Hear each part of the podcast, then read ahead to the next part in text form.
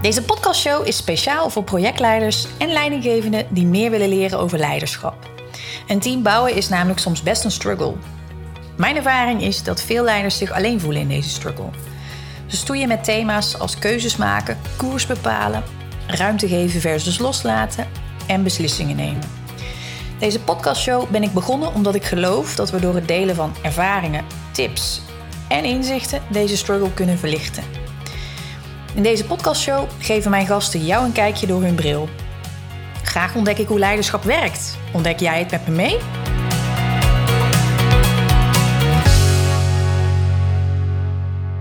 Ilja van den Berg bouwt met haar bedrijf Mind the People aan eh, bewustwording van verschillende thema's in organisaties. En een van die thema's is diversiteit. Dus hoe bouw je aan een organisatiecultuur met de juiste mix van masculine en feminine eigenschappen? En ehm, waarom is die mix eigenlijk belangrijk? Wat heb je te doen als organisatie wanneer je de balans wil verleggen? Daarover gaan we het vandaag hebben in aflevering 4 van de podcastshow Leiderschap door de bril van Ilja van den Berg. Uh, welkom Ilja bij deze podcastopname. Ja, leuk. Ben ja. benieuwd. Ja, we zitten in aflevering nummer 4 inmiddels. En uh, nou, de aanleiding dat we hier aan tafel zitten is, want je hebt een artikel geschreven. Ja wat ik op LinkedIn voorbij zag komen. Ehm, en dat heet uh, Niet meer vrouwen aan de top, maar een betere balans tussen masculine en feminine eigenschappen. Ja. Dat, uh, en dat triggerde mij. dus vandaar dat we ja. hier uh, zitten. Maar voor de diepte induiken, zou je misschien willen voorstellen? Ja. Wie ben je? ja, mijn naam is Ilje van den Berg. Ik ben oprichter van Mind People en eigenlijk ook wel meer sociale innovatieadviseur. Dus wij uh, adviseren op vraagstukken of verbeterstukken rondom de arbeidsorganisatie of arbeidsrelaties. Oké. En daar kan soms bewustwording van gedrag of verandering van gedrag bij zitten. Er kan soms het herontwerpen van een organisatiemodel in zitten. Ja. Veel agile-achtige trajecten. En, ja. Dus het heeft altijd te maken met mensen in ja. organisaties ja. en hoe je daarin beweging kan creëren. Ja, ja. en hun gedrag. ja. ja. Leuk. Ja. En, en je hebt dit artikel, heb je, ik heb begrepen dat je dat al een paar jaar terug hebt geschreven. Ja, ja dat was een beetje de aanleiding. Ik werkte voor een IT-organisatie binnen een grote corporate. En daar moesten we eigenlijk ook, uh, was ook een hele nieuwe organisatie ont ontworpen. En dan moesten we een, meer richting een agile cultuur gaan werken. ik heb zelf een informatica achtergrond, dus ik was zelf ook wel wat uh, technisch en wat masculien. En, uh, uh, en we waren met die gedragsveranderingen bezig. en we merkten eigenlijk dat we elke keer tegen iets aanliepen waardoor dat niet verder kwam. Dus we hebben toen een cultuuronderzoek gedaan. We zijn met de medewerkers allemaal gaan praten van waardoor, wat gebeurt er, wat zie jij nou, wat zie je nou ontstaan. En ehm, toen ging ik dat cultuuronderzoek eigenlijk presenteren. En daar kwam ook uit dat er, weet je, als je agile cultuur wil creëren, meer samenwerken, uh, communiceren, moet wat transparanter, management uit vertrouwen, allemaal dat soort eigenschappen. En dat zijn eigenlijk wat meer feminine eigenschappen. Oké. En uh, ik, dat wist, had ik toen nog niet bedacht, maar dat, uh, ik was dat toen aan het presenteren. En toen stond het hele MT voor mijn neus. En ook de, de teamleiders die ook hadden meegeholpen om die cultuuranalyse te doen. En ik presenteerde, nou we lopen hier tegenaan. En dat begint eigenlijk bij leiderschap. Nou, dat herkenden ze echt helemaal niet. En ik werd ook echt half uitgelachen dat dat dus echt niet het geval kon zijn. En ze doen het allemaal goed. En hoe kan je nou vertrouwen als er of vertrouwen managen als er uh, iets misgaat. Dan, dan, dat is heel gevaarlijk. Dus we moeten juist... Sturen en ja, meetbaar ja, maken. Alles en, juist, exact. En, en toen... Maar ze kwamen naar jou toe met de vraag van hoe kunnen we meer agile en ja, wendbaar worden? Dat was hun oorspronkelijke vraag. Ja, okay. en, en dus dat de medewerkers dat moesten doen. Dat je, oh, ja. En de medewerkers die, zijn daar, die vinden dat een heel goed idee. Want het, ze merken in hun werk dat dat werkt. En... Alleen wilden we echt, echt die verandering doorvoeren. Merkten dat het gewoon elke keer weer terugviel. Ja. En dat ze weer in een oude gedrag vielen. En daar, uh, daardoor dacht ik van oké, okay, maar dan zitten dus bij de aansturing, uh, uh, waar, waar begint het nou? Ja. En toen kwamen we bij hen uit. En toen, ja, dus toen ik, ik werd ook echt uitgelachen. En, en toen dacht ik van oké, okay, wacht. er is hier iets, het is natuurlijk een IT-organisatie, zijn mensen die daar zitten zijn vooral op die resultaten. Het zijn haantjes, dat was ook echt zo. Het waren de managers van de managers van de managers. En ze Mhm. zaten er allemaal. En, ehm, en toen dacht ik van, hoe kan ik nou wel ruimte creëren als vrouw? Want waren, ik denk dat 90% man was wat daar werkte. Mhm. Ehm, eh, om deze waardes wel in de organisatie te krijgen. Maar hoe legde je dan de, de vertaalslag tussen zeg maar, die eigenschappen en eh masculin en feminin? Ja, Hoe, daar, het feit dat alle. eh, er waren minder vrouwen.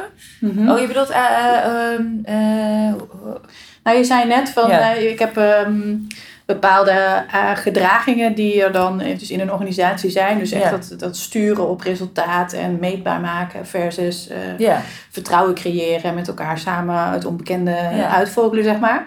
Ehm, en daar koppel je dan eh masculin en feminin Ja. aan. Hoe, hoe, eh, hoe werkt dat? ja dat, ik zal u een verhaal voor vertellen hoe we daar zijn gekomen. Want dat Ja. is op zich wel grappig. Want we kwamen dus eigenlijk eh, ook op het feit dat vrouwen geen ruimte hadden daar. En dat we daar niet, niet serieus werden genomen. En, eh, maar we wilden ons eigenlijk ook niet als slachtoffer opstellen. Dat we, en, eh, maar we weten wel dat de eigenschappen die we hadden, die, ze wilden graag vrouwen.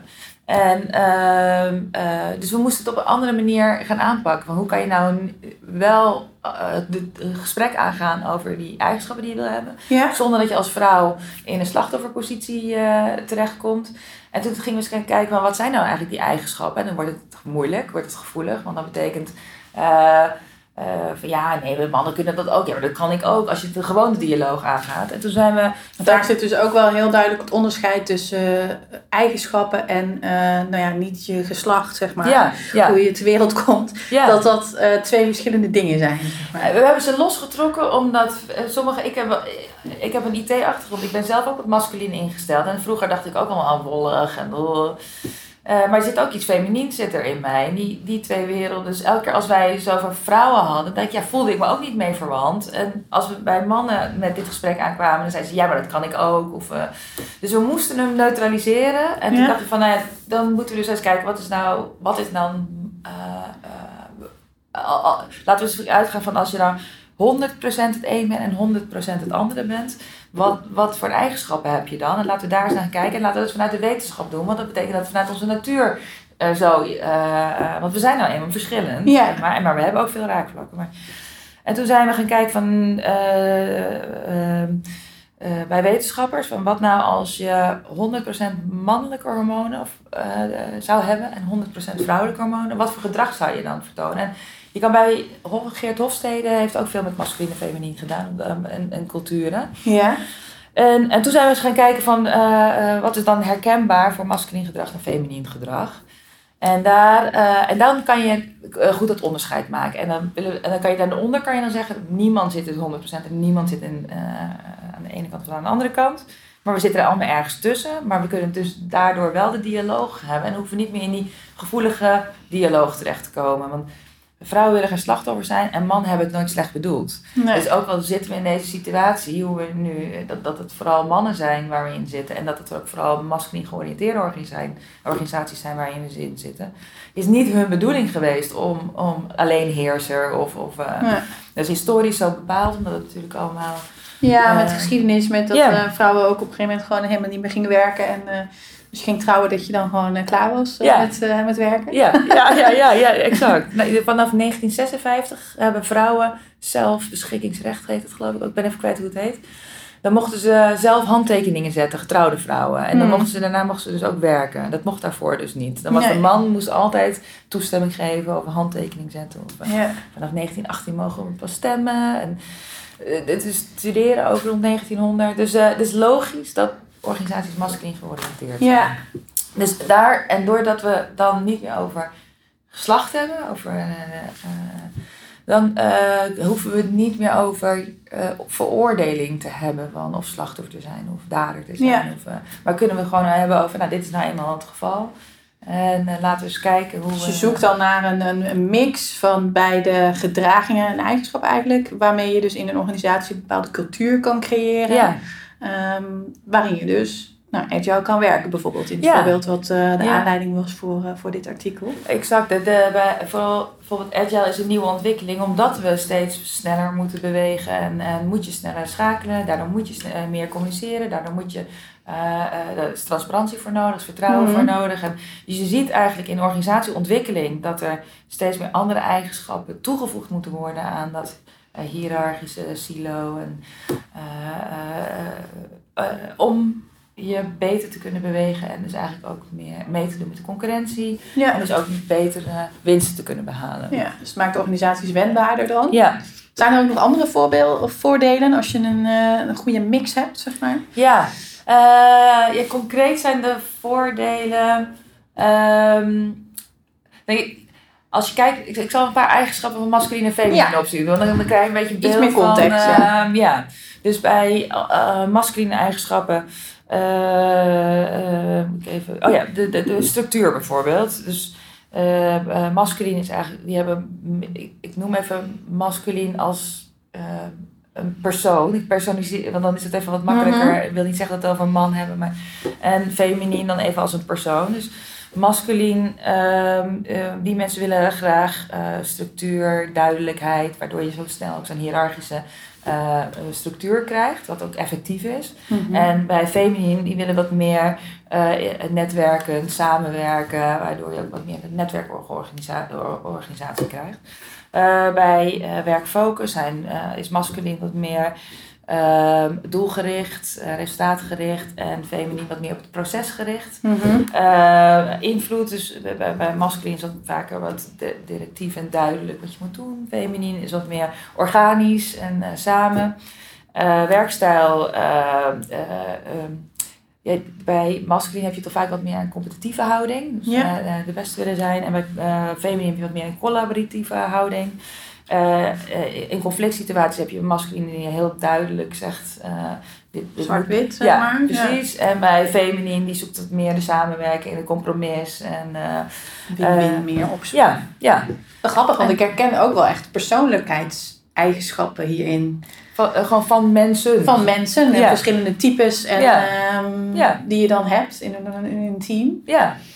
Het is ook wel grappig als je namelijk... eh, ik werk dus en voor een grote gemeente en voor een grote bank veel. En, dan, eh, en je ziet ook gewoon in de gezicht en de kleding, de houding... zie je eigenlijk ook wat meer feminine uiterlijkheden kenmerken en masculine uiterlijke kenmerken. Ja. En dus, de, de, de- ja, dus ook daarom, eh, ook om het zo neutraal te behandelen, bij zorginstellingen, eh, waar wel veel meer vrouwen aan de top ook zitten, eh, moet je eigenlijk wat meer ook die balans de andere kant op zoeken. Dus wat meer effectiviteit, of niet alleen zorginstellingen, maar overheidsinstellingen. Mhm. Eh, wat meer eh, resultaatgerichtheid. het kan allemaal netwerken, maar op een gegeven moment is een structuur toch echt wel handig om er wat snelheid in aan te brengen. ja.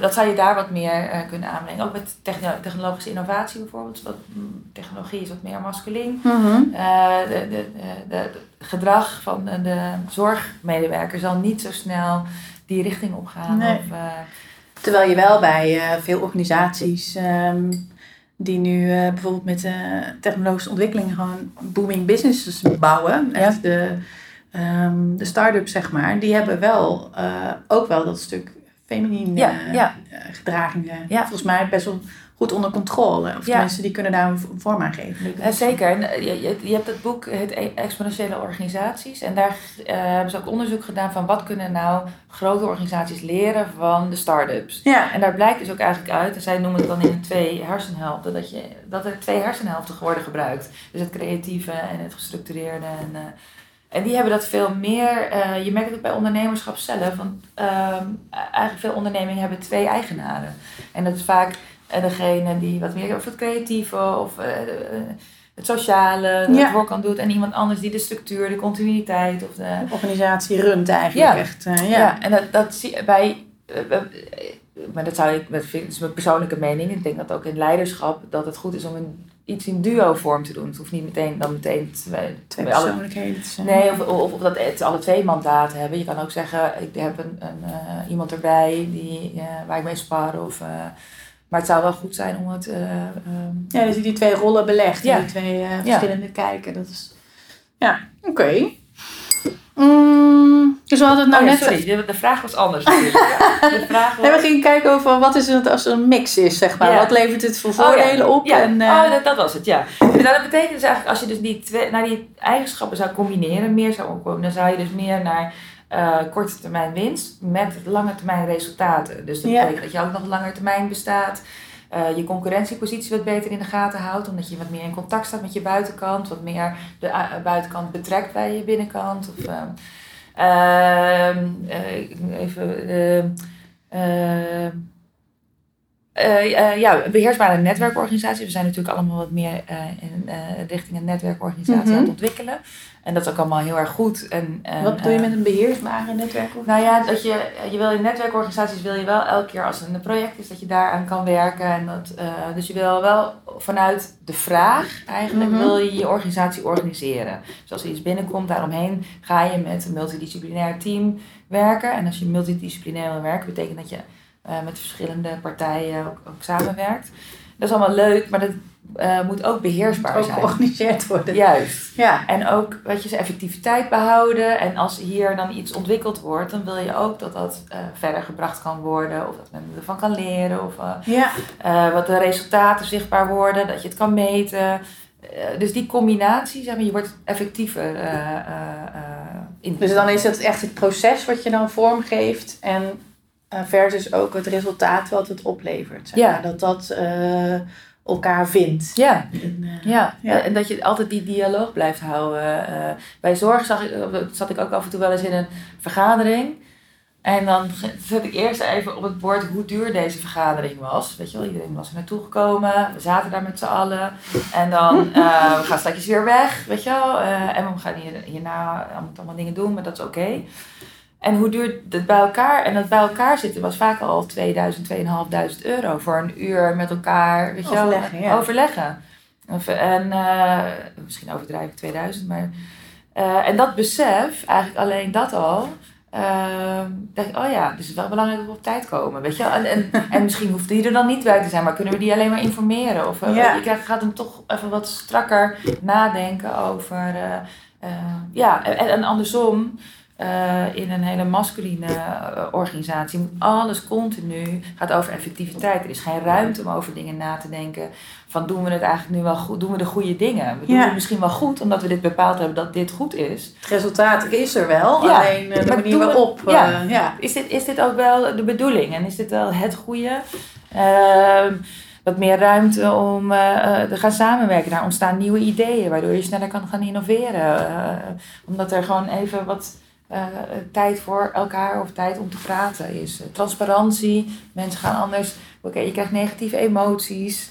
Eh, mensen gaan speculeren. Sabotagegedrag. eh, Sorry? beetje sabotagegedrag in de ja. organisatie. Als ik het niet vertrouw het te doen, omdat ik gewoon geen inzicht daarin heb, weet je, dan ga ik toch. Maar eigenlijk noem je nu dus ook al die eigenschappen die in organisaties kunnen leven, waarin je dus kunt eh, merken dat de mix niet optimaal is. Ja. maar. ja, ja, ja, ja, zeker. En Dat, de, dus dat zijn eh, zeg maar kleine onderdelen daarvan. En als Ja. je het groter eh, bemerkt, dan merk je eigenlijk bijvoorbeeld eh, eh, angstcultuur, waar deze mensen die er angst ervaren.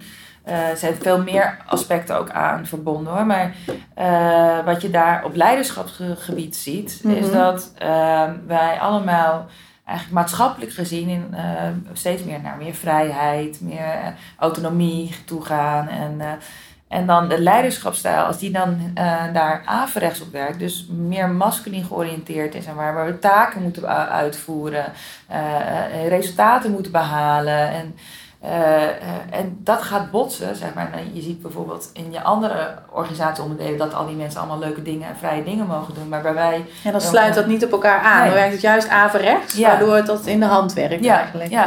Eh, En dan durf ik me niet meer uit te spreken. En nog, nogmaals, er zitten nog meer oorzaken is voor groter dan alleen het leiderschapsvraagstuk. Ja. Maar daar zie je wel zo'n botsing, zeg maar, waardoor eh, eh, zo'n een negatief symptoom, zeg maar. Ja. Of, eh, veel vrouwen die vertrekken in, als er reorganisaties zijn geweest, bijvoorbeeld. Eh, want dan kan je bijvoorbeeld, als er mobiliteit, weet je, iedereen is dan preventief mobiel. En dan mag je solliciteren op je op een functie. En dan gaan vrouwen ook vaak wel naar leidinggevende functies solliciteren. Maar dan zit je in je sollicitatie en dan wordt je vanuit een masculin perspectief wordt je gemeten. Want dat hebben zij altijd geweten, dat is juist. Dus dat betekent dat ik uh, nou ja, allemaal zaken moet doen die voor de persoon herkenbaar zijn. Maar je wil eigenlijk misschien wel hele andere eigenschappen. Eh, en die vrouwen, zeg maar, die worden het dan niet. En dan heb je wel een gevoel Die volg ik niet helemaal. Want dan heb je dus... Ehm, dan zeg je van hè, een reorganisatie, dan wordt er opnieuw gekeken van wie hebben we nodig en voor welke functie en, en wat vragen we dan. En dan, als ik het goed begrijp, zeg je dan van hey, in de functieomschrijving staat best wel van oké, je moet dit en dit aan resultaten opleveren, je moet deze eigenschappen voldoen. Um, en dan volg ik hem eventjes niet meer daarna. Bijvoorbeeld um, de functieprofielen zijn mm -hmm. vaak vanuit een masculin perspectief opgesteld. Dus je kan, het is wel grappig, veel werving- en selectiebureaus zijn er nu mee bezig. Even de naam uh, weet ik even niet zo uit mijn hoofd. Um, wat zijn dan dingen die, waaraan je ziet dat, dat dat masculin is opgesteld? Nou, je, bijvoorbeeld uh, wat je allemaal bereikt moet hebben, wat je allemaal moet kunnen. Okay. Uh, bijvoorbeeld als je een certificaten voor behaald moet hebben. Of je moet bepaalde technologieën beheersen. Of, Hele meetbare, concrete dingen die je met een papiertje kan aantonen. Ja. Oké, ik heb deze studie gedaan, ik heb hier deze certificaten en ja, dit kan ik allemaal. Ja. En dan, uh, proven track record. Ja, en dan drie jaar moet je dit gedaan hebben, vijf jaar moet je dat gedaan hebben. En uh, uh, maar we willen... Ik vind het altijd zo irritant als dat erin staat. Omdat ik dan denk, ja, maar ik kan veel meer dan dit. Ja. En nu zie je niet wie ik ben als persoon, zeg maar. En terwijl ik misschien niet uh, dan dat ene papiertje heb, maar wel heel vind dat ik gekwalificeerd ben voor een bepaalde functie. Exact. En, en want met nieuwsgierigheid en met communiceren en met je netwerk en met... Uh, breng je ook heel veel mee. Breng je heel veel in. Heel, uh, en de kwaliteiten, als we die profielen opstellen, die leggen we nu nog niet, maar dat is wel iets wat moet, nog niet aan van uh, wat willen we eigenlijk met onze organisatie, welke beweging willen we op en welke cultuur willen we creëren. Uh, we zeggen alleen maar wat, wat voor vaardigheden willen wij, wat voor productie willen we draaien. Ja. Maar je wil eigenlijk misschien ook zeggen, we willen meer bewegen, we willen meer naar de toekomst kijken, we willen meer. Dat moeten we allemaal in ons vak ook gaan doen. Ja. En dan betekent dat die uh, profielen, dat het daarin uh, vermengd moet zitten. Maar Ja. als degene die hem opstelt, en wat nu nog heel vaak gebeurt dan het hoger management, die uh, na uh, zeven jaar heel hard werken daar terecht is gekomen en altijd beoordeeld is op het feit dat hij goede resultaten haalt, die gaat dan nu dat beschrijven en die gaat dan jou beoordelen of je daar wel of niet mag zitten. Ja. En dan krijg je, en dat is teleurstellend, omdat het dan bijvoorbeeld wel in uh, de, de, organisatie draagt dan wel uit van diversiteit en inclusie. En daar staat allemaal, weet je wel, uh, samen uh. En dan Bepaalde zit je daar, waarden die je daar als organisatie wil uitdragen. En, en dan zit je daar, want daar, daar voldoe je aan, zeg Ja. maar. En dan is dat niet wat telt, maar dan telt vooral wat je gepresteerd hebt. dus dat bedoel je met dat het in organisaties dat er vaak gemeten wordt op dat masculine, Ja. eh, op de gedragingen zeg maar. Ja, En dat de feminine eigenschappen, of eigenschappen, of moet ik het gedragingen noemen? Zit daar een ja ik, zit, ik, ik heb zelf maak ik, heb ik eigen, eigenschappen. eigenschappen, ja. ja. Maar dat dat dus een, ehm, dat dat het dan wel er mag zijn, maar niet echt dat je daarop afgerekend wordt, zeg maar. Nee, we willen het wel. Ja, Maar uh, als het puntje bij paaltje komt, dan, uh, en dat zie, dat zie je eigenlijk nog heel veel. We Ja. willen het allemaal wel, maar hoe dan en wat betekent dat hoe dan? moeten we dat organiseren dan? Ja. ja. Ja. Maar wat zijn dan uitdagingen waar organisaties dan tegenaan lopen bij het organiseren daarvan? Um, nou ja, dat, dat, ene is eigenlijk van we willen wel, maar we weten eigenlijk niet zo heel erg goed hoe. Je hebt vaak wel visionaire leiders, die voelen echt wel goed aan wat in de markt speelt en wat belangrijk is. En daar komt het dus ook wel echt wel op de agenda te staan. Maar wat betekent dat dan en hoeveel geef je daar dan invulling uh, aan? Uh, uh, Ja, voor de luisteraars, wij zitten hier helemaal met wat papier om ons heen. En uh, we hebben dit natuurlijk even voorbesproken, wat, uh, waar we het over gingen hebben. Vanwege mijn chaotische invulling in mijn hersenen moet ik daar wat structuur aan brengen. Dus dat heb ik hier met een papiertje ook keurig gedaan. Dus als je wat hoort knipperen, dan is dat de structuur van dit gesprek. Ja. je zei wat, wat, wat, oh, wat ze kunnen doen. Ja, wat, nee, wat voor uitdagingen Oh, ja. de organisaties dan vaak tegenkomen. Ja. Nou, en de, de, de gevoeligheid van de dialoog, zeg maar. Ja. Uh, zodra we het hier over deze thema's gaan hebben, dan voel je al dat eh, het, het ingewikkeld wordt. Zeg maar, voor mannen helemaal, omdat ze denken, die weten niet meer wat ze goed doen. Of wat, het is altijd goed geweest wat ze hebben gedaan. En nu is het in ene niet goed. Wordt er iets anders verwacht. Ja. Maar wat dan? Ja, Ja. en, en eh, ze hebben het altijd goed bedoeld. En, en eh, En dan is het ook nog niet heel concreet meetbaar. Want Nee. wanneer doe je het goed, wanneer doe je het niet goed? Ja. Dat is niet zo zwart-wit dan. Exact. en wanneer, eh, soms wordt, weet je wel, de, de diversiteitsvraagstuk ook, eh, wat ik al eerder over had, het, eh, misschien als slachtoffer en, en dader be- behandeld. Of, eh, dat wil je allemaal eigenlijk niet. Daar moet het niet, vind, vind ik, niet over gaan. zeg je wil met elkaar gewoon kijken van hoe kunnen we het Ja. beste klimaat creëren. Waarmee we met elkaar resultaten neer kunnen Ja. zetten. En ook op een prettige manier. Exact, want het is wetenschappelijk bewezen dat diversiteit zeg maar, bijdraagt en dat het een, een, een toegevoegde waarde levert. En ook dat eh, grote organisaties waar vrouwen eh, aan het bestuur zijn eh, meer winst draaien. En, dus dat is echt bewezen. Dus we, we, willen dit gewoon als we een verbeterde organisatie willen. En dan moeten we daar een dialoog over gaan. En dat is gewoon moeilijk. Dus je ziet ook dat het niet, van, als je dus met bewustwording rondom dit thema bezig bent, hoe steek je hem in? Ja. Wat is je tone of voice? Waar ga je dan op? eh, dat is lastig. De uitdagingen. Ja, eh, Want, is het, want het is, vraagt eigenlijk gewoon een, een verandertraject. Ja. Want je gaat dingen anders doen.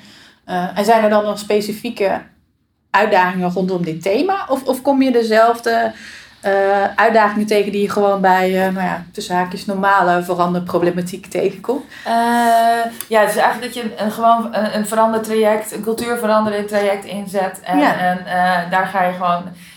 Ik denk dat je het wel het beste zo kan benaderen. Dat het een cultuurtraject is, zeg maar. Eh, maar ik denk wel, omdat er, eh, het ging over ongelijkheid, dat je het eigenlijk ook moet eh, van waar zit dat, zeg maar. Ik denk in dit geval, ten opzichte van een normaal cultuurveranderd traject, dat het goed is om eerst inzicht te creëren. Dus hoe is de verhoudingen? Waar, waar liggen verschillende verhoudingen? Wat zou daar de oorzaak van kunnen zijn? Hoe staat het met salarissen bijvoorbeeld? Op dezelfde positie hebben die mensen dezelfde eh salarisschaal. Mhm. Ik denk, als je daar al gaat mee gaat beginnen, dat zou zo'n mooi gebaar zijn, want dan weet je in ieder geval wat, wat je zegt eh, in je ambitie. Transparant is. Ja, en dat doen we ook echt. En het kost ons wel even allemaal geld, want dat kost het natuurlijk, als je, want daar doen ze het niet, eh, om het gelijk te trekken. Maar dit is wel waar we voor staan.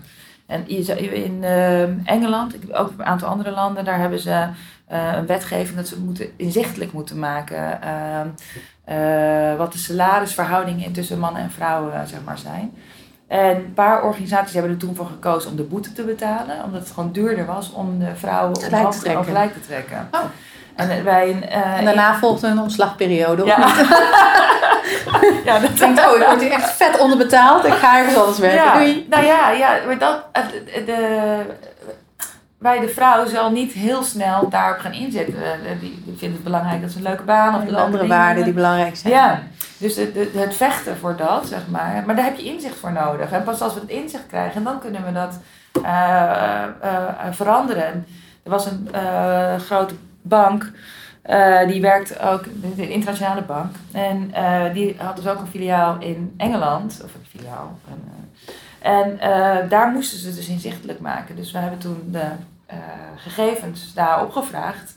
En toen zijn we eigenlijk naar de Nederlandse organisatie gegaan van, nou mogen wij dit ook inzichtelijk hebben? Waarom zouden we een wet moeten afwachten als dit eigenlijk Ja. beleid moet zijn? En als dit ook iets wat je... Ja, dat is toch heel eh, eh, moeilijk. Is als niet dan- gebruikelijk, hè? Tenminste, ik herken het eigenlijk. Ik heb niet bij, eerder bij een organisatie gewerkt waarvan ik wist wat mijn collega's Nee. verdienden aan salaris. Je hoeft het namelijk ook niet te weten, maar je kan wel zien wat het, wat het verschil is. We kunnen Ja. wel zeggen van in deze salarisschalen, eh, in deze beroepsgroep verdient eh, man gemiddeld dit en Ja. verdient de vrouw gemiddeld dit. Dan hoef ik niet van mijn collega te weten, maar kan ik wel zien dat er een verschil eh, is. En dat kan ik ook naar mijn eigen salaris ja, kijken. of kan je dat doortrekken, die lijn. Ja, en dat, dat, dat kost veel geld. En ook het feit als je dat nu, nu inzichtelijk zou maken zonder dat er een beleid is op geweest om dit gelijk te trekken, zou het natuurlijk voor het imago heel slecht zijn. Dus ik begreep wel dat dat niet op dat moment kon. Mhm.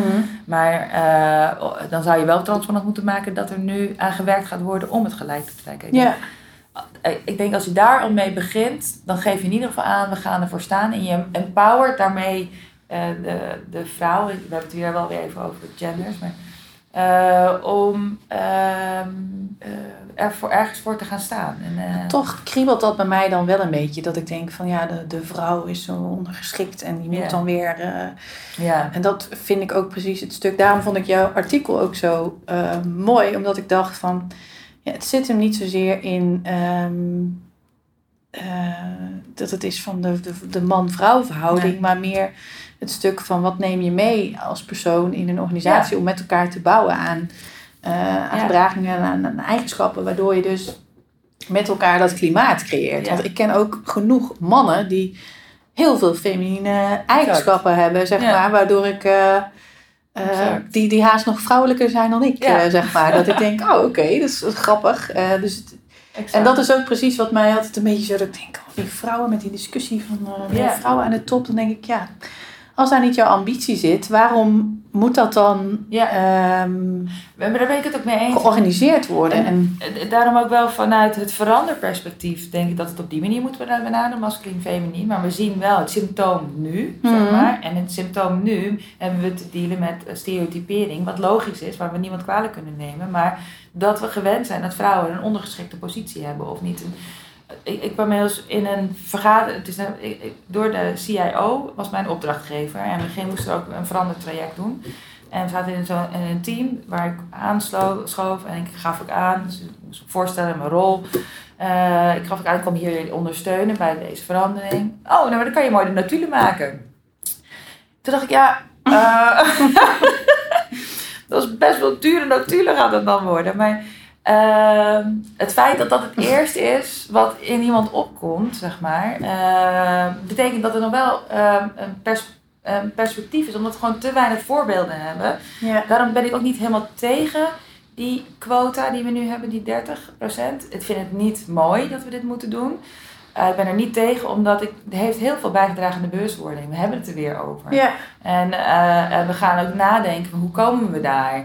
En dus het is Dus wel het kan wel als breekijzer werken, wil Ja. je zeggen, om eh, weer even het gesprek te starten en om Ja. daar weer een opening te creëren. En het is jammer dat het moet, maar Ja. het is wel. eh, ja, dit, het, het zit er gewoon nog steeds. Als, als eh, bij eh, evaluatiegesprekken, ook dit is een wetenschappelijk onderzoek.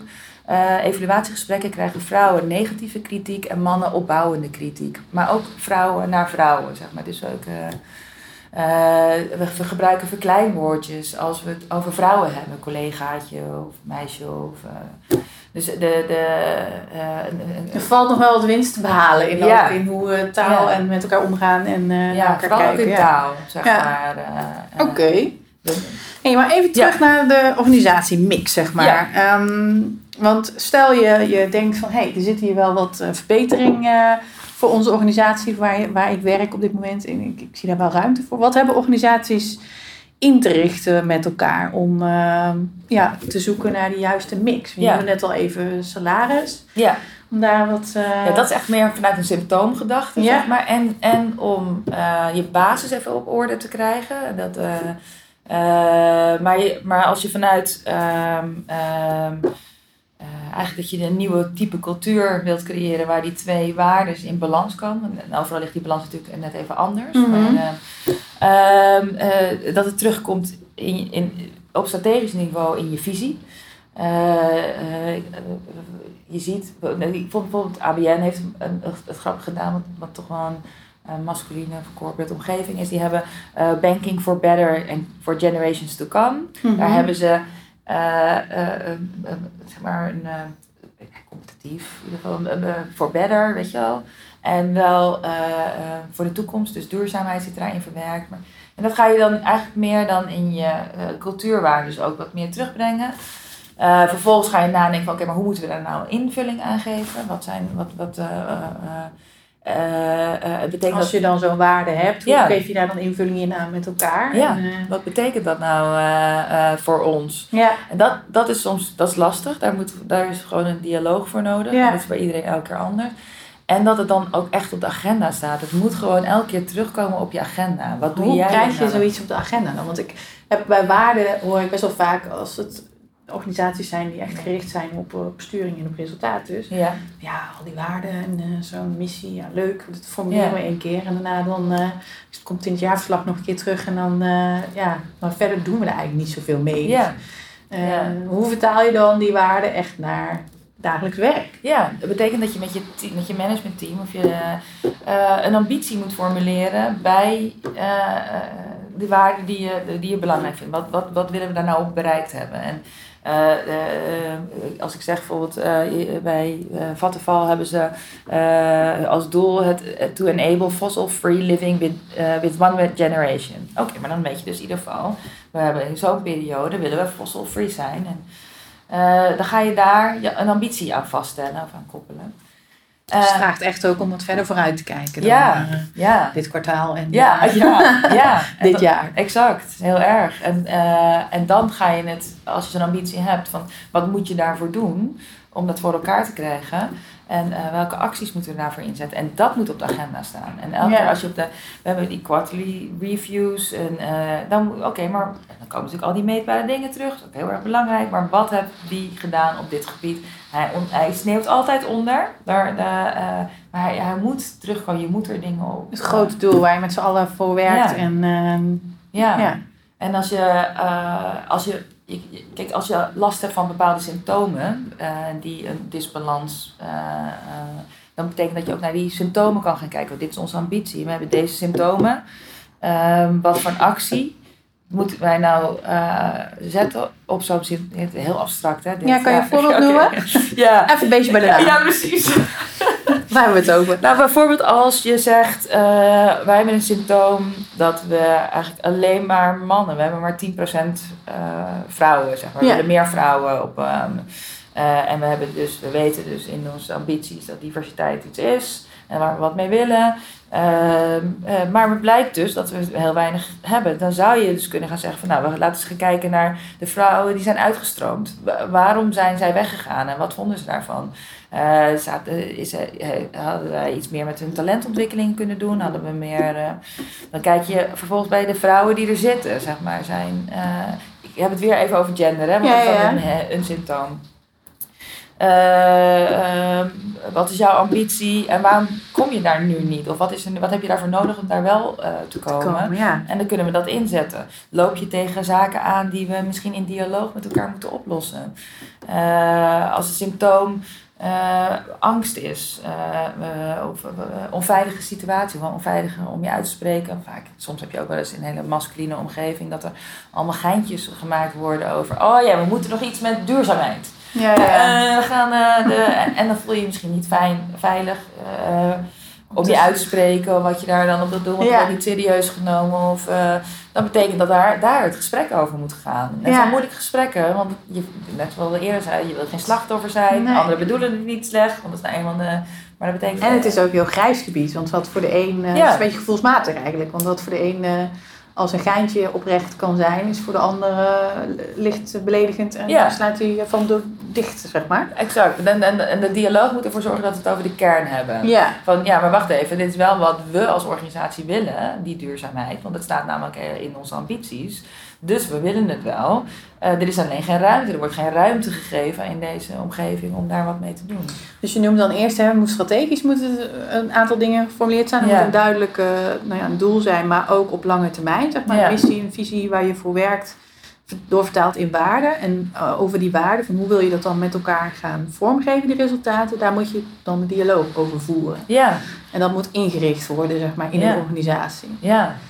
Hoe doe je dat dan? Ja, ja dat, dat, dat, eh, het inrichten van eh, de De dialoog, om daar ruimte voor te maken. En, en, en, want dat, ik kan me voorstellen dat daar de grootste eh, slag zit voor, Ja. voor veel organisaties. Om daar ineens... Ja, dat is rete ongemakkelijk als je daar ineens over moet gaan hebben met elkaar. En dat Ja. je niet gewend bent om dat te doen. Ja, het, het, kan verschillend. Hè? Da- Daarom is het ook ingewikkeld omdat er verschillende symptomen zijn waar je op, of, of zijn heftige symptomen of juist eh, eh, acties die je wil gaan doen om Mhm. iets in te zetten. Of, eh, eh, ehm, ja, dus ik, moet- ik zit even na te denken of er iets ehm, tastbaars kan. ehm, ja, je kan een werkgroep rondom een, act- een, een activiteit eh, inzetten. daarom is het een beetje ingewikkeld welke... Nou, ik denk dat het ook wel gewoon in het dagelijks werk zit. En Ja. dat je gewoon met elkaar ehm, het erover hebt van nee, als je in een team werkt, Ja. zijn wij nu met goede dingen bezig. En dat je bijvoorbeeld ruimte maakt om even eh erboven te hangen, zeg maar. Boven de inhoud en boven dat je keihard aan het werken bent aan, eh, aan ja. je project en aan de inhoud. Maar Ja. dat je ook kijkt van, hé, hey, oké, hebben wij nu, zijn we met goede dingen bezig? Gaat het nog op een manier waar we allemaal eh, prettig bij zijn? Willen we ons nog com- committeren aan, aan dit doel? En wat hebben we dan nodig om het met elkaar nog wat beter te doen? Of als Ja. het niet zo is, om dat wel te doen? Nou ja, zeker. En, dan, eh, en als we het over moeilijke onderwerpen hebben, gevoelige Mhm. onderwerpen, dat betekent dat het ook echt een veilige omgeving moet zijn waar je in dit soort gesprekken kunt hebben. En waardoor de leider ehm, ook aanvoelt dat als er van zulke geintjes komen, dat dat betekent, ik wil niet zeggen dat zij iets fout doen, maar dat dat betekent dat er eh, ehm, eh, voor sommige mensen niet prettig kan zijn. En Ja. waardoor dat soort dingen ondergesteld raken. Daar moet je als leider wel gevoel voor hebben, zeg maar. Dat je tussen die twee ehm, eh, werelden kan bewegen. En, en dat iedereen zich veilig voelt om zich uit te spreken. En dat daar ook serieus mee wordt omgegaan. Ja, dat, ik denk dat dat heel erg belangrijk is. Dat je niet alles, elke keer als we gesprekken zijn, alleen maar over die resultaten, die doelen. eh, eh, de inhoud hebben. de inhoud ook- heeft, ja. Maar ook wel over eh, eh, eh, wat betekent dit? Doen we het, doen we het goede, goede?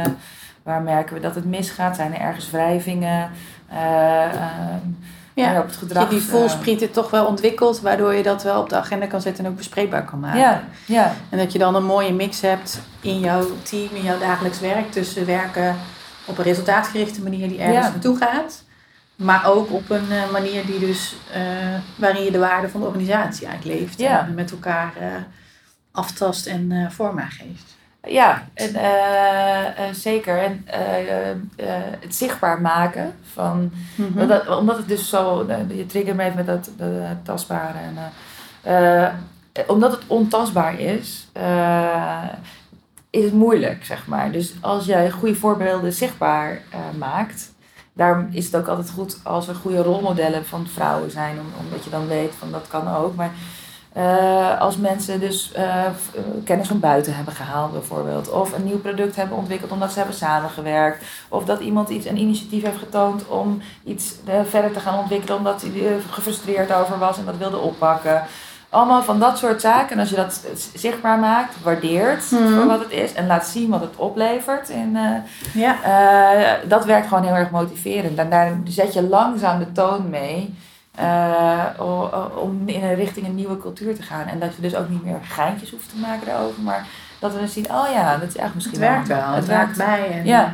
Maar dat vraagt eigenlijk nog een soort extra dimensie aan waarnemen. Want je moet dan al, je moet op best wel wat niveaus dan kunnen kijken. Want dat laatste wat je noemde is echt eh, nog meer erboven hangen. En dan meer op het proces van de verandering die je met elkaar aan het eh, bewerkstelligen bent. Ja, Ehm, dus je hebt dan hè, zeg maar het stuk resultaat eh, concreet. Je hebt het stuk samenwerken. Wat hebben we nodig op meer op waardeniveau van wat willen we als organisatie. ja, En dan heb je nog het stuk van even een tijdelijke change die je met elkaar wil maken.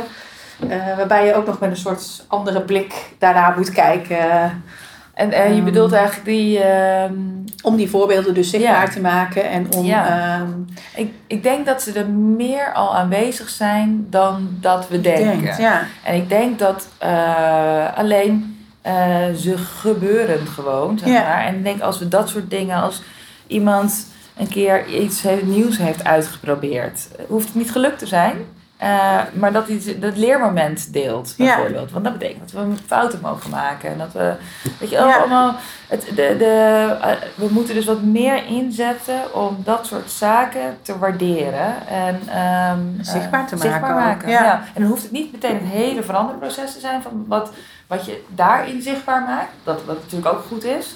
Maar ervaringen delen eigenlijk. Ja, En, eh, Ja, en het kan op hele kleine schaal. Het kan in je eigen team. Of eh, jij hebt toch iets leuks gedaan? Je bent met, die, met, met, daar, je bent met hun samen aan het werken. Oh ja, wat heb je daarvan geleerd? Oké. En dan benadrukken. Wat, eh, hoe kan je die kennis nou delen? Wat kunnen we daar nou mee doen? Ja. En, Ja, grappig. Ja, het is wel leuk om dat zo, want dat, dat is er eigenlijk allemaal al. Het is alleen Ja. het, ehm, Waarderen. het waarderen en het, Ja. eh, ja, het gewoon het, het zichtbaar maken. Ja.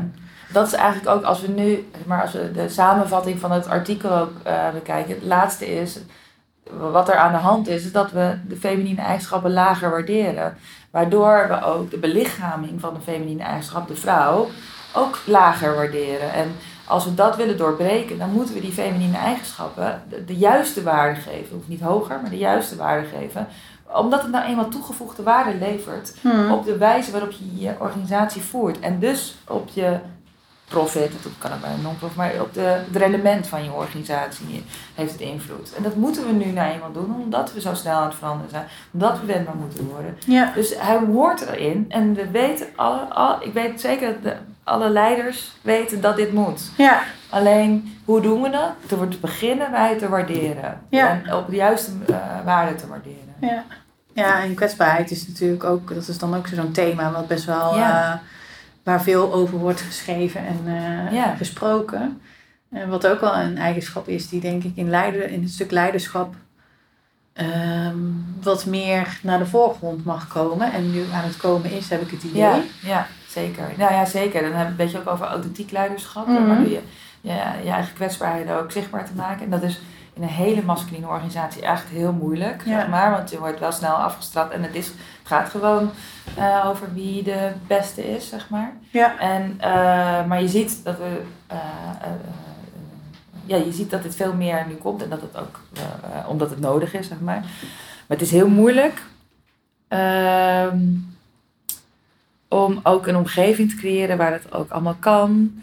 En waar je dus ook op. En dan moet je een goede voorbeeld als leider, Ja. moet je het goede voorbeeld geven. Ja, Dus je je hebt wel wat mensen nodig in de organisatie die daarvoor gaan staan. En Ja. op verschillende plekken, denk ik. Ja. eh, ook wat, eh, wat ervaringen opdoen, waardoor dat eh duwtje dat- de goede richting in Nou ja, dat, dat dingen dus niet gelukt zijn. Begin daar als leider, dus als directeur van een organisatie, begin eens met de dingen op te noemen die niet gelukt zijn. En wat je ervan geleerd hebt.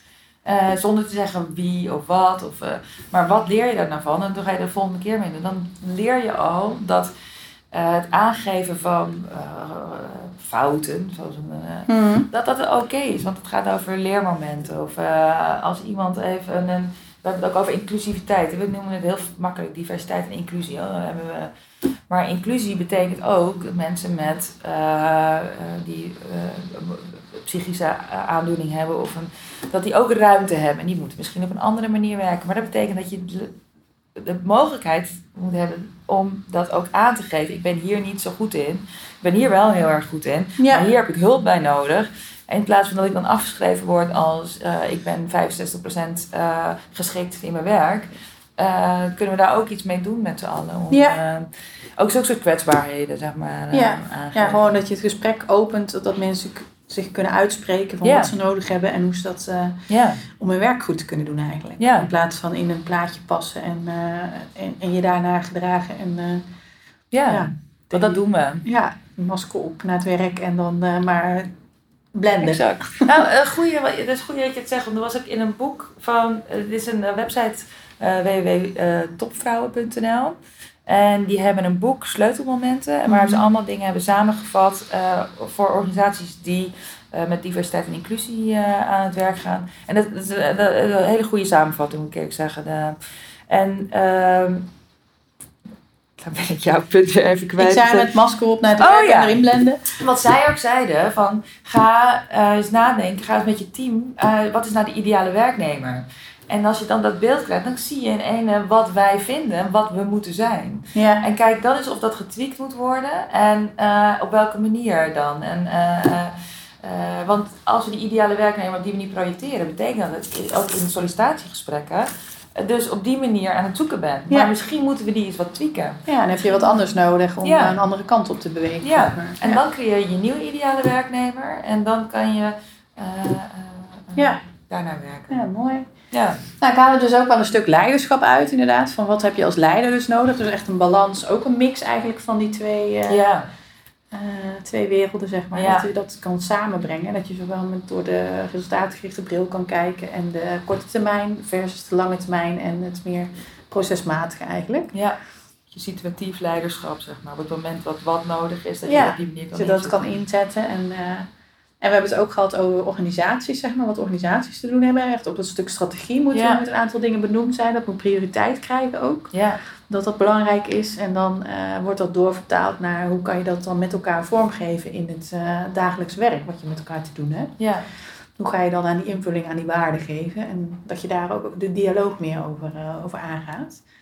En ja, dat is, dat is wel mooi. Ehm, ik, ik heb ooit bij een opdrachtgever van mij. Ja. En zat ik laatst, hadden we ook een vraagstuk dat ging ook over um, ja, eigenlijk meer agile werken en meer dat samenwerken naar voren brengen. En uh, de opdrachtgever die daar zat, dat was ook een, een manager. En uh, we, hadden, we gingen daar een concept presenteren van hoe dat mensen daar dan mee aan de slag gingen. Hadden iets voor ontworpen, wat ideeën. En um, het eerste deel was een beetje nou ja, discussievorming en praten over begripsvorming. Van wat vinden we daar dan van met elkaar en wanneer is iets dan... Uh, ja, wat versta jij onder de begrippen zeg maar, waar dat programma over ging? En het laatste stuk van die presentatie was gewoon heel erg, uh, oké, okay, next steps, planning en oh, meetbaar en oh, ja. concreet. En ik vond het wel grappig dat hij aan het eind van dat stuk zei, toen maakte we een rondje en toen zei hij, ja, dat in het begin word ik altijd een beetje zenuwachtig van. En, maar het laatste stuk was wel lekker uh, concreet. En uh, ja, nou, ik heb er wel uh, een goed gevoel aan overgehouden. en toen dacht ik, ja, dit is grappig. Want dit is precies de verandering waar we het over hebben. Ja. Dus dat je met elkaar dat gaat uitzoeken van wat zijn die begrippen dan. En, en hoe willen we daar invulling aan geven. En dat is dus voor, voor hem was dat heel spannend om te doen. En heel ongemakkelijk. Omdat hij zich wat meer comfortabel voelt bij... Uh, bij gewoon als het gewoon lekker uh, is van oké, we gaan van A naar B en het kost zoveel tijd en uh, ja. zoveel euro.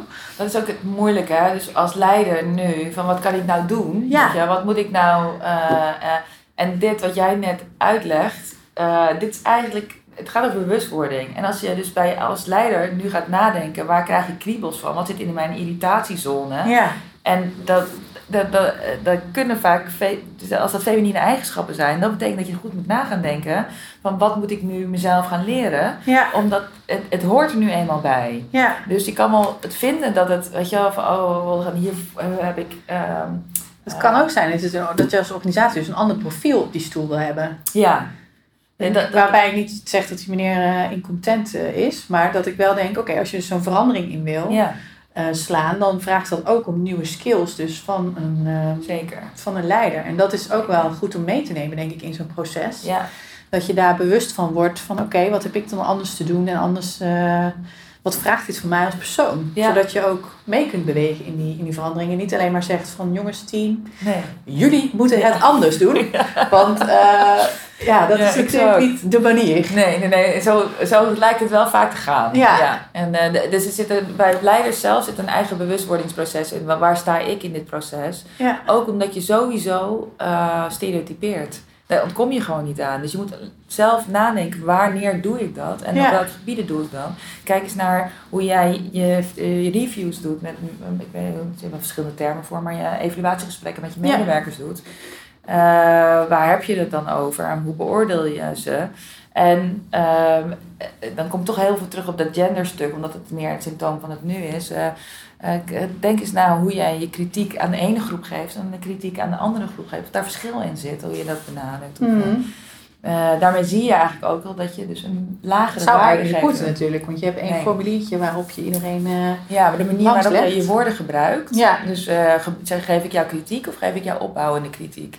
Dat is al een verschil. En dat kan, je, eh, dat kan je dus bemerken als je bij verschillende mensen zit. Of jij dat op een bepaalde manier waar die opbouwende kritiek geeft. Of bij de Ja. andere juist negatieve kritiek. er zit ook heel veel bewustwording bij mensen zelf. Je eh, moet er zelf, zijn. ja, waar, waar jouw stereotypering zit, zeg maar. Ja.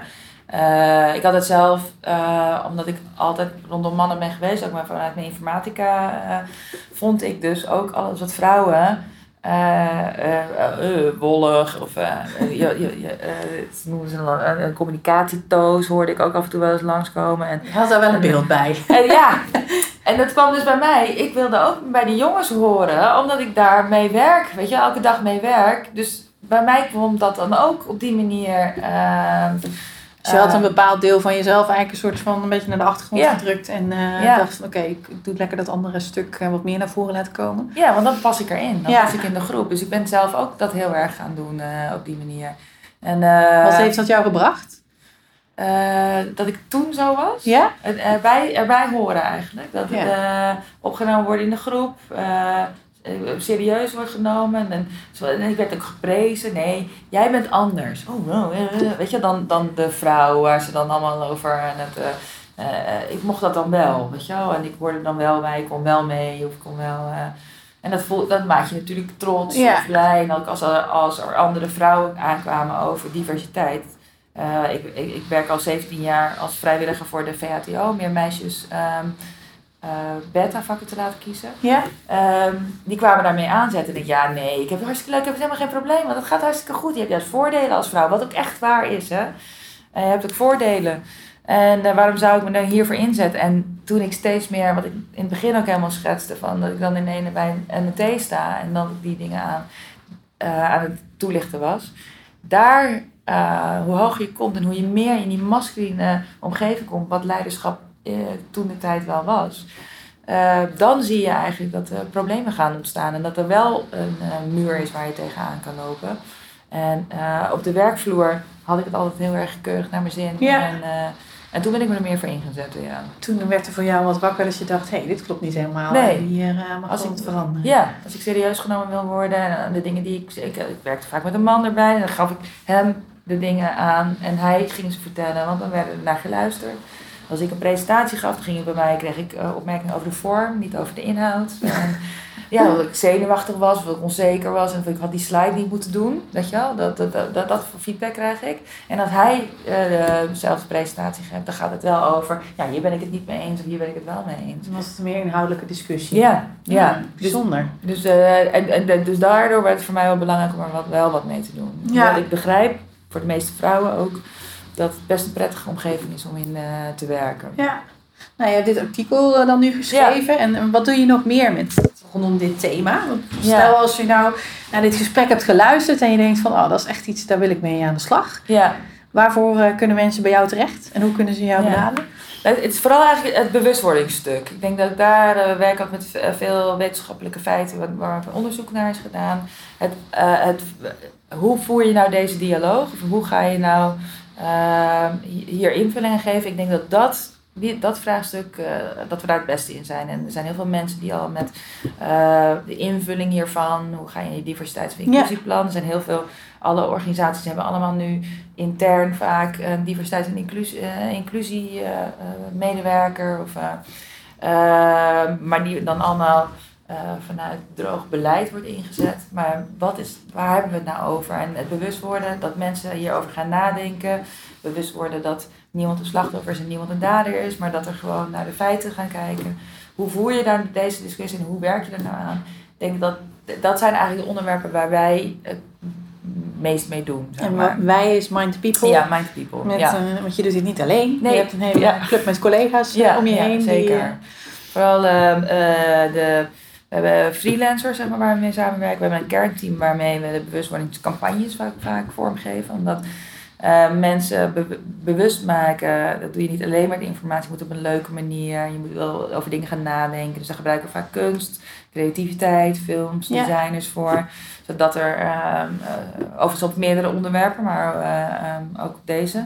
En dan komen we daarna komen eigenlijk de, de, de dialoog die je met je team wil voeren. Of, dat je Praktische vertaling eigenlijk, van daar de eerste stappen mee te zetten. En daar zijn de consultants dan weer voor, ja. uh, waar we mee werken. Dus je hebt een soort totaalpakket van uh, organisaties die daar de eerste stappen mee willen zetten. Die, ja. die, die, daarmee sparren over van wat, wat kunnen we daarmee met dit thema binnen onze organisatie. Ja. En daar help je ze mee op weg. Ja. En dan ook nog een stukje heel praktisch met... Zeker, maar onze kracht ligt vooral bij, bij die eerste stappen. Ja. Dus het bewust worden, inzichtelijk maken, dus soms ook wel eens meten van zaken maar bewust worden en, zo, en de dialoog, want dat is dan ook nog steeds ook in die bewustwordingsfase. Ja. En dan denken wij eigenlijk dat je het beste met je eigen HR-medewerker of uh, daar invulling aan kan geven. Intern verder bouwen. Ja, dat denk, ja. denken we. Want ik denk wel dat iedereen daar een idee over heeft en we uh, en daar allemaal wel geschikte personen voor hebben. Maar dat stukje daarvoor, ja. uh, om de gevoeligheid te ontwijken en toch een juiste dialoog te voeren, ik denk dat dat helpt om een externe iemand ja. eventjes in te vliegen. Ja. En, uh, en waar je ook boos op mag worden. en uh, waar je het helemaal niet mee eens mee mag zijn. En, uh, ja. Oh, mooi. Ja. Nou, thanks. Is er nog iets wat jij, waarvan je denkt van... hé, hey, dit hebben we nog niet besproken... of dit wil ik nog even kwijt voor de nee. luisteraars? Er is een heel goed boek... wat ik dus in de auto heb liggen. Um, en het, is, eh, het gaat over gender bias. En ehm, ik ben even kwijt het heet. Nou ja. Uh, er zijn alleen maar wetenschappelijke onderzoeken in over waar we vooroordelen hebben, uh, onbedoelde vooroordelen hebben, of stereotyperingen hebben rondom mannen en vrouwen. En hoe dat in de weg zit van uh, werkende leven. Dus als je dat leest, dan, dan zie je overal voorbeelden. Ja, en vooral als leider, lees hem, want dan, dat zijn leuke feitjes wat je soms ja. op je werk kan gebruiken. Een ander wat wij toen ehm, na uh, die aanvaringen die ik had, zijn we een diversiteitsgroepje gaan opzetten. Niet omdat we ons wilden distancieren, maar omdat we gewoon met een aantal vrouwen uh, in die hele mannenorganisatie uh, wilden we sparren wat je meemaakt. Je maakt gewoon dingen mee. je wil er ook niet over zeiken, maar daardoor van elkaar leren. En dat je eigenlijk munitie krijgt. En munitie is een slecht woord, maar om als er iets tegen jou gezegd wordt, als er tegen jou gezegd wordt uh, oh, dan mag jij de notulen doen dat je iets een weerwoord Je kan leren van uh, elkaars ervaringen en daar inspiratie uit kan halen om uh, ja. Iets zinnigs ook te zeggen als het jou gebeurt. Of als je denkt van het is oneerlijk. Daarmee te dealen gewoon. Ja, ja. Dat, ik denk dat dat best wel handig is. Je ziet nu ook al een tendens dat ze geen vrouwenclubs meer in de organisatie willen hebben. Omdat ze vinden dat het een gewone cultuur moet zijn. Dat klopt ook, daar ben ik het ook helemaal mee eens. Maar tegelijkertijd moet je nog steeds mensen empoweren uh, om die balans te kunnen aanbrengen. Ja. Dan heb je wel eens en dan kan intervisie dan uh, wel een goed ja. Eh, middel voor zijn om dat met elkaar ja. ervaring uit te wisselen. Ja. ja. Oké. Nou, dus de, de, de schrijver en gender bias, daar, daar blijven we eventjes, die zullen we even los erbij nog hebben. Ja. En ja. verder, heb je nog iets waarvan je denkt van nou, dit wil ik ze nog meegeven? Of hebben we wel we hebben het denk ik wel allemaal geraakt, hè? Ik, ja, denk ik wel. En blijkbaar ook in deze dialoog, je merkt gewoon dat je even niet onder het gender uh, uh, uitkomt, zeg maar. Ja. We willen het heel graag over het neutrale masculine feminine hebben. Er blijft altijd nog wel het stukje van nu. En dat is dus dat, het, uh, dat we nog stereotyperen. Ja. Dat moet nog even opgelost worden. Daar hebben we nog wat werk te doen met elkaar. Exact. ja. Oké, nou thanks voor het mooie gesprek. En Graag gedaan. Ja, dankjewel. Ja, graag gedaan. Wat leuk.